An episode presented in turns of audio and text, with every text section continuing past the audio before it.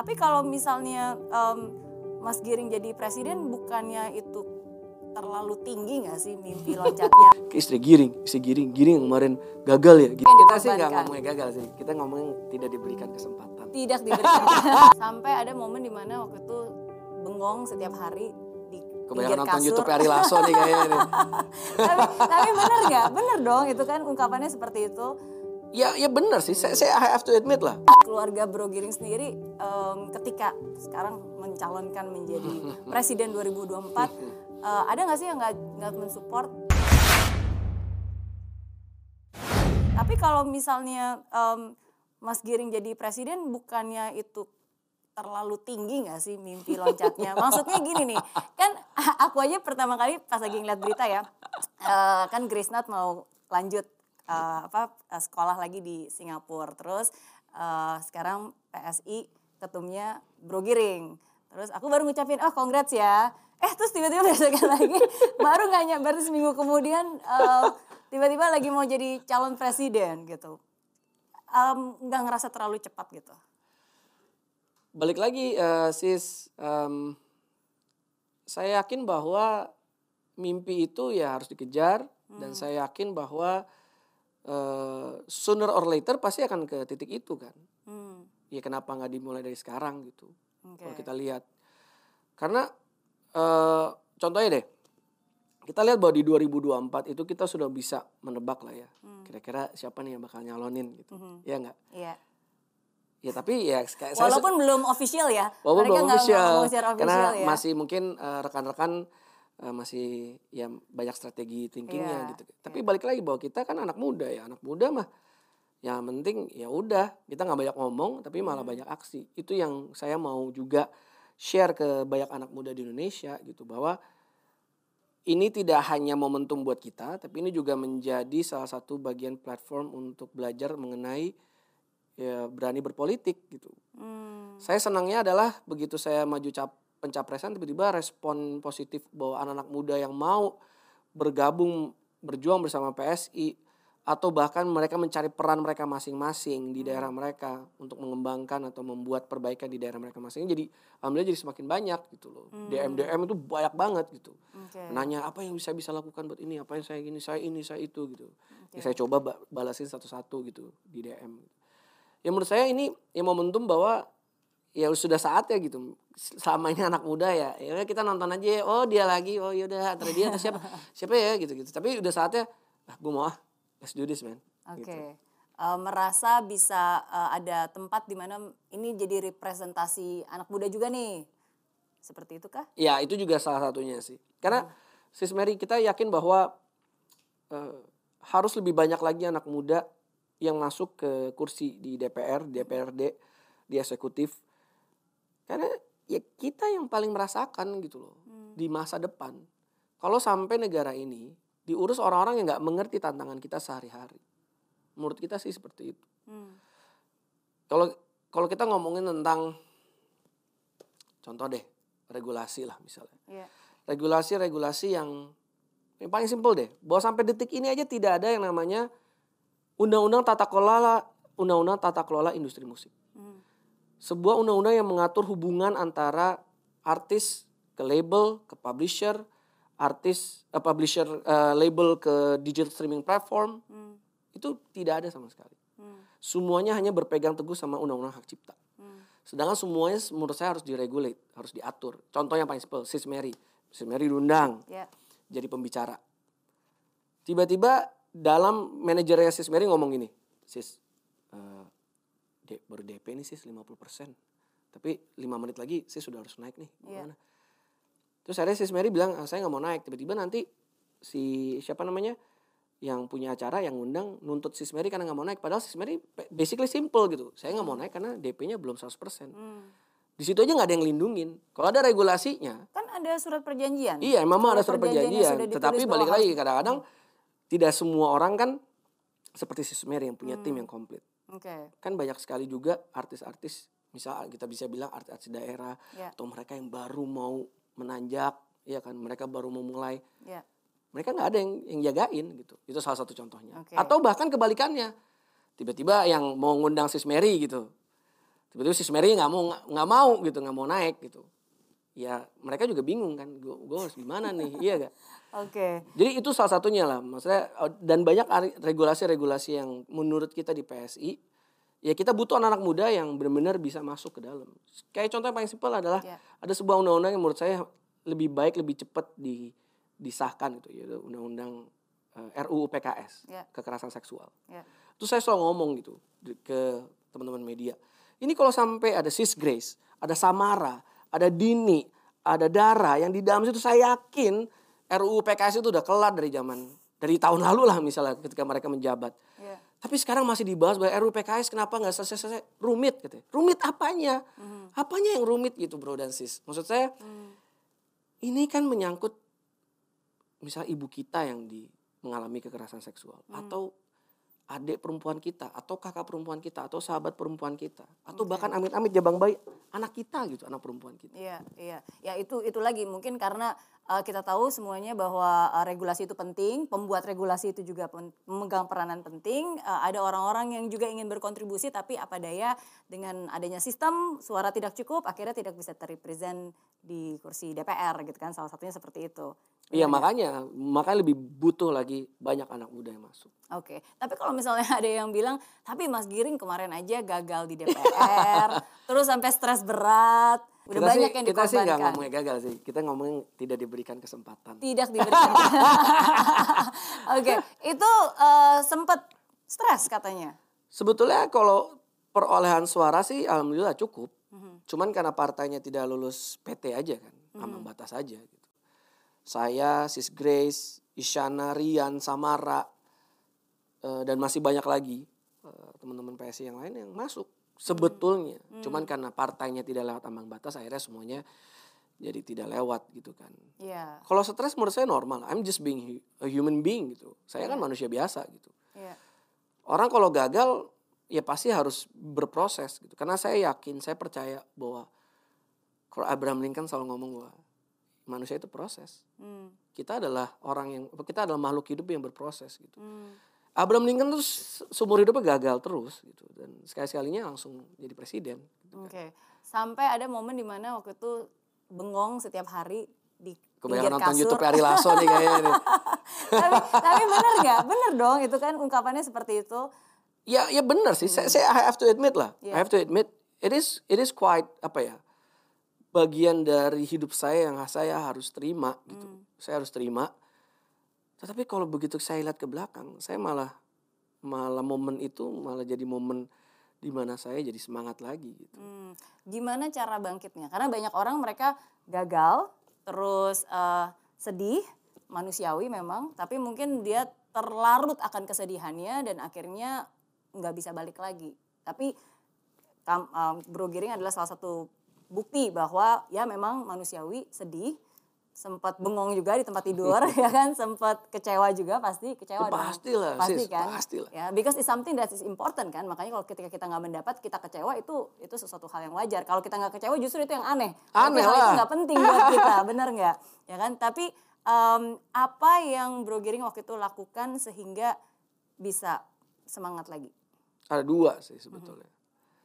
Satu peran keluarga ya. Mhm. Peran istri saya sih sama anak-anak saya sih luar biasa. Mhm. Bagaimana mereka selalu support, jagain saya, motivasi saya gitu. Dan ngingetin saya gitu. Ngingetin bahwa ya ini adalah bukan ini adalah proses ya. Tapi ini adalah bagian dari perjalanan hidup kamu gitu. Hmm. Dan akhirnya saya makanya saya selalu bilang bahwa saya bersyukur banget. Banyak kayak orang yang bilang, wah Cynthia bersyukur ya, janda anak satu bisa ketemu giring gitu. Oh, no, it's the way around. Saya yang ngerasa, saya yang bersyukur gitu. Punya istri yang luar biasa, yang punya hati yang baik banget dan suportif banget dengan apa pun pilihan hidup suaminya Hmm. dan siap menerima kesuksesan dan kegagalan suaminya. Hmm. Karena bagi saya mungkin kalau saya pikir-pikir dia selalu ada buat saya, tapi kan dia juga tahu bahwa mungkin di belakang dia ada yang ngomongin dia juga gitu. Ih, ke istri giring, istri giring, giring yang kemarin gagal ya, gitu-gitu kan. tapi dia cuek aja gitu. Iya. Itu satu. So family is very important. Di dalam proses kegagalan, peran keluarga untuk motivasi membangkitkan kita itu sangat penting. Kedua, menurut saya yang nggak kalah penting adalah traveling ya. Traveling. Iya. Oke. I think traveling itu adalah bagian proses kita mencari jati diri kita sih. Jadi waktu itu ketika saya jatuh, ya saya tuh mutusin untuk liburan lah. Hmm. Liburan ke mana-mana gitu sama istri gitu kan. Dari pokoknya banyak hal. Dan di situ ya saat melangkah ke tempat baru, kan refresh ya, refresh. Terus habis itu belajar lagi hal baru gitu. Dan ternyata begitu dicek, hampir semua orang-orang sukses melakukan hal yang sama. Ya. Satu contohnya. Ketika Steve Jobs waktu itu keluar dari Apple, ya kan, yang pertama kali ya. Ya. Ini kan ke India kan, Hmm. mencari jati dirinya sendiri. Yang Teddy Roosevelt, Teddy Roosevelt juga presiden Amerika, sempet dia waktu itu lagi momen yang parah banget di mana istrinya dan ibunya meninggal dalam dalam waktu kurun yang sangat dekat. Dan akhirnya dia memutuskan memutuskan dua tahun untuk tinggal di wild wild west lah, berkuda, berenang di gurun pokoknya gitu kan. Dan dia di situ mencari jati dirinya sendiri. Oke. Ya saya waktu itu ambil sempat lah liburan lah ya. Tapi karena habis itu harus mimpin perusahaan, jadi cepet-cepet balik lagi sih waktu itu. Oke, oke. Tapi that's that's a good way uh, bahwa ya sometimes kita harus merestart lagi uh, and by changing the environment itu juga salah Ya. satu hal yang penting untuk kita bisa mengubah ya udah cara pandang kita, cara pikir kita dan itu membuat ya it's, it's just a personal time untuk bisa merediscover Yep. what is the purpose ya kan. Ya anyway kalau buat saya sih uh, maksudnya kita semua pasti pernah mengalami kegagalan. Pasti lah Benar nggak sih? Sis- Apalagi di dunia Sis Mary juga pasti pernah dong. Gak mungkin sis Mary bisa sesukses ini kalau nggak pernah mengicipi rasanya pahitnya kegagalan. Pasti pasti. Tapi Iya dong. tapi emang pahit sih. Pahit lah. Nikmatin Tapi- aja udah. Tapi I always convince myself, okay, whenever uh, there is a no, gitu kan kegagalan no, to me no is next opportunity. It's next opportunity. Jadi ya udah kalau misalnya gagal, ya mungkin mungkin kontribusi saya bukan di DPR, mungkin kontribusi saya harusnya di tempat lain ya kan. Siapa tahu menjadi presiden itu menjadi kontribusi, Amin. ya kan menjadi uh, ketum PSI juga menjadi kontribusi. Jadi uh, that's that's for me sih. Uh, saya akan selalu mengucapkan kalimat-kalimat yang akhirnya bisa menyemangati diri saya sendiri untuk bangkit gitu. How about you? Do you have any mantra, kalimat-kalimat yang Giring selalu ucapkan kepada diri Giring sendiri untuk bisa like you know keep yourself motivated and bisa tetap maju? Mhm. Kalau saya sih punya mantra sih banyak ya mantranya ya. Karena kan istri saya sama saya juga rajin yoga, meditasi juga kan. Ah, oke. Dan kita juga belajar sempat waktu itu kan ikut eh, apa namanya Tony Robbins juga. Oh, wow, oke. yang Jadi- mana yang unleash the power within? Iya dong, iya dong. Wah itu gila. itu Jalan di life- atas api. Life changing itu sih. itu sih. Dan di situ kita yakin bahwa ternyata semuanya tuh ada di sini ya. Yes. Iya kan? Semua sumber kesuksesan kita tuh ternyata ada di di di ide otak dan pikiran kita gitu. Jadi mungkin saya nggak pernah punya mantra, cuman saya berusaha untuk selalu berpikiran positif Hmm, dan juga melakukan hal-hal yang positif. Gitu. hmm. Oke, gimana cara eh, Cynthia menyemangati atau enggak kata-kata yang selalu dia ucapkan yang selalu pokoknya that's something yang selalu membuat Giring bisa tersenyum lagi, semangat lagi. Menurut, menurut aku ya semua yang lagi nonton gitu, apalagi yang eh, punya pasangan ya. As simple as cuman bilang, oh my god baby I'm so proud of you. Itu aja menurut saya tuh udah luar biasa. Kayak apa pun gitu, bahkan kayak misalnya waktu itu perusahaan kita menjalankan Piala Presiden e-sport gitu kan, yang pertama dan yang kedua gitu. Dan dia ngeliat panggungnya, terus dia langsung meluk aku. Oh baby, I'm so proud of you gitu. As simple as that aja menurut saya sih itu udah udah luar biasa gitu. Dan bikin motivasi saya untuk ayo kita ngapain lagi, ngapain lagi, ngapain lagi. Dan pulang ke rumah capek tapi dia ngeliat, ih aku bangga banget ya sama kamu. Itu aja tuh menurut saya sih udah itu udah luar biasa. Apalagi ketika anak-anak muluk, ayah aku bangga banget sama ayah gitu. Wah itu tuh itu lebih itu lebih itu lebih luar biasa lagi sih. Iya. Dan eh aku nggak tahu ya di di aku, antara kamu sama eh, pasangan kamu ya sis, sis bahwa memang kita itu berdua very affectionate gitu. Hmm. We always say beautiful words. Eh, kayak misalnya dia baru bangun, ih kamu cantik banget gitu. Padahal dia baru, apaan sih kamu bohong banget, baru bangun juga gitu kan. Terus kayak misalnya dia bilang, ih kamu ganteng banget. Apaan sih? Gitu kayak, gila, look at me nih. Gitu, kalau dulu, couple of years ago you can say that. Tapi enggak kok, kamu tuh ganteng banget. Iya, iya. Those, I think those simple gesture make you feel very happy lah. make me feel appreciated ya. Iya, me Dinari. Iya, benar. bahwa, ada yang notice juga dan memperhatikan dan dan care gitu dengan kita. Termasuk juga eh, ketika em, si Cynthia memasakkan bibimbap dan ternyata rasanya enak banget. Iya kan? Salut loh, Iya saya kan? bingung Walaupun hebat aku ya. nggak ngeliat wajahnya Cynthia ketika em, apa Bro Giring memberikan komentar itu, tapi kerasa dari responsnya, ah, really, wow, thank you so much itu aja aku bisa kerasa as a woman ya, kalau kita udah nyiapin sesuatu buat suami kita dan bener-bener enak dan apalagi habis gitu, bukannya cuma enak doang Tapi gitu. emang enak banget sih. tetap- emang enak banget Enak ya? banget. Oke, oke, ntar kapan-kapan harus jawab. Nanti dimasakin buat kamu ya. Waduh, thank you, thank you. Oke, tapi kan uh, again family itu pasti selalu menjadi um, apa ya our supporter ya. Iya. Karena dia mereka yang akan selalu ada di bersama kita apa pun juga situasinya, Yes. suka dan duka uh, dan akan selalu menyemangati lah.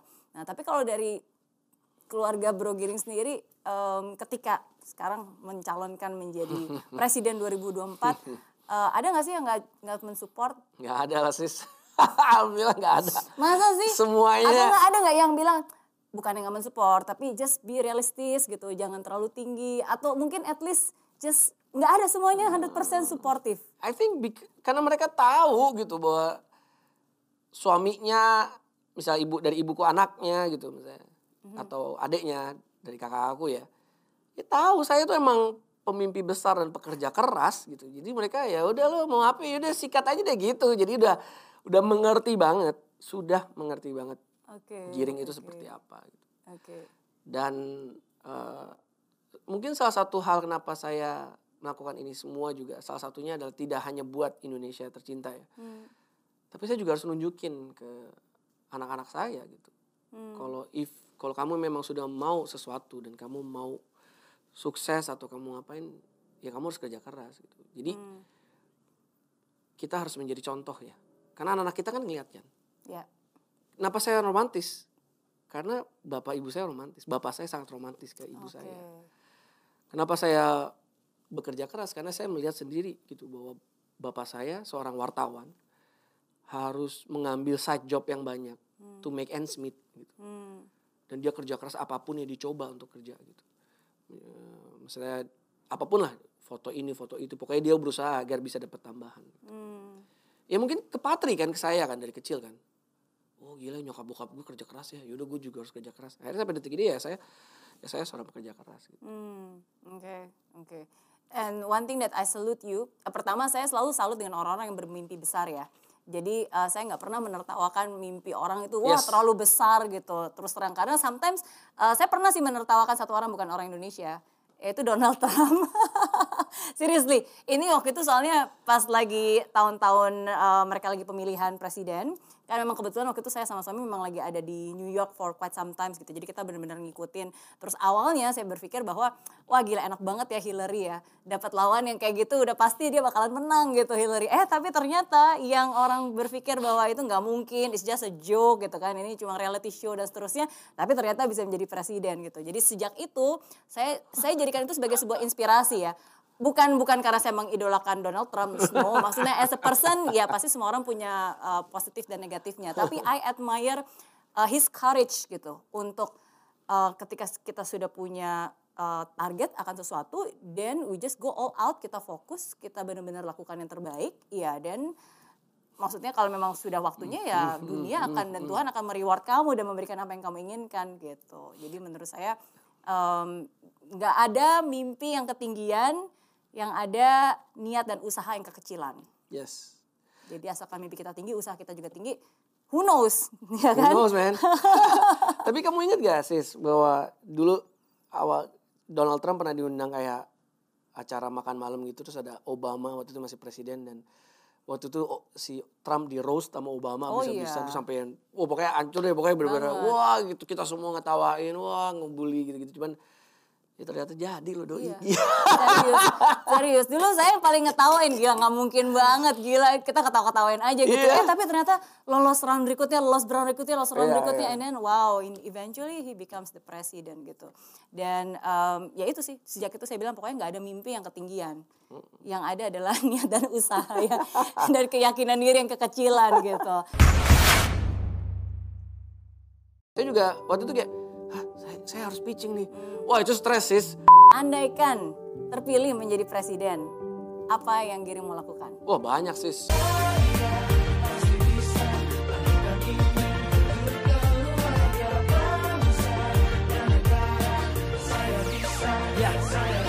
Laksana bumi tanpa hujan, hidup tanpa tujuan, kering dan mati tanpa hijaunya tumbuhan. Ah, demikian kalau mimpi tak kunjung terjadi.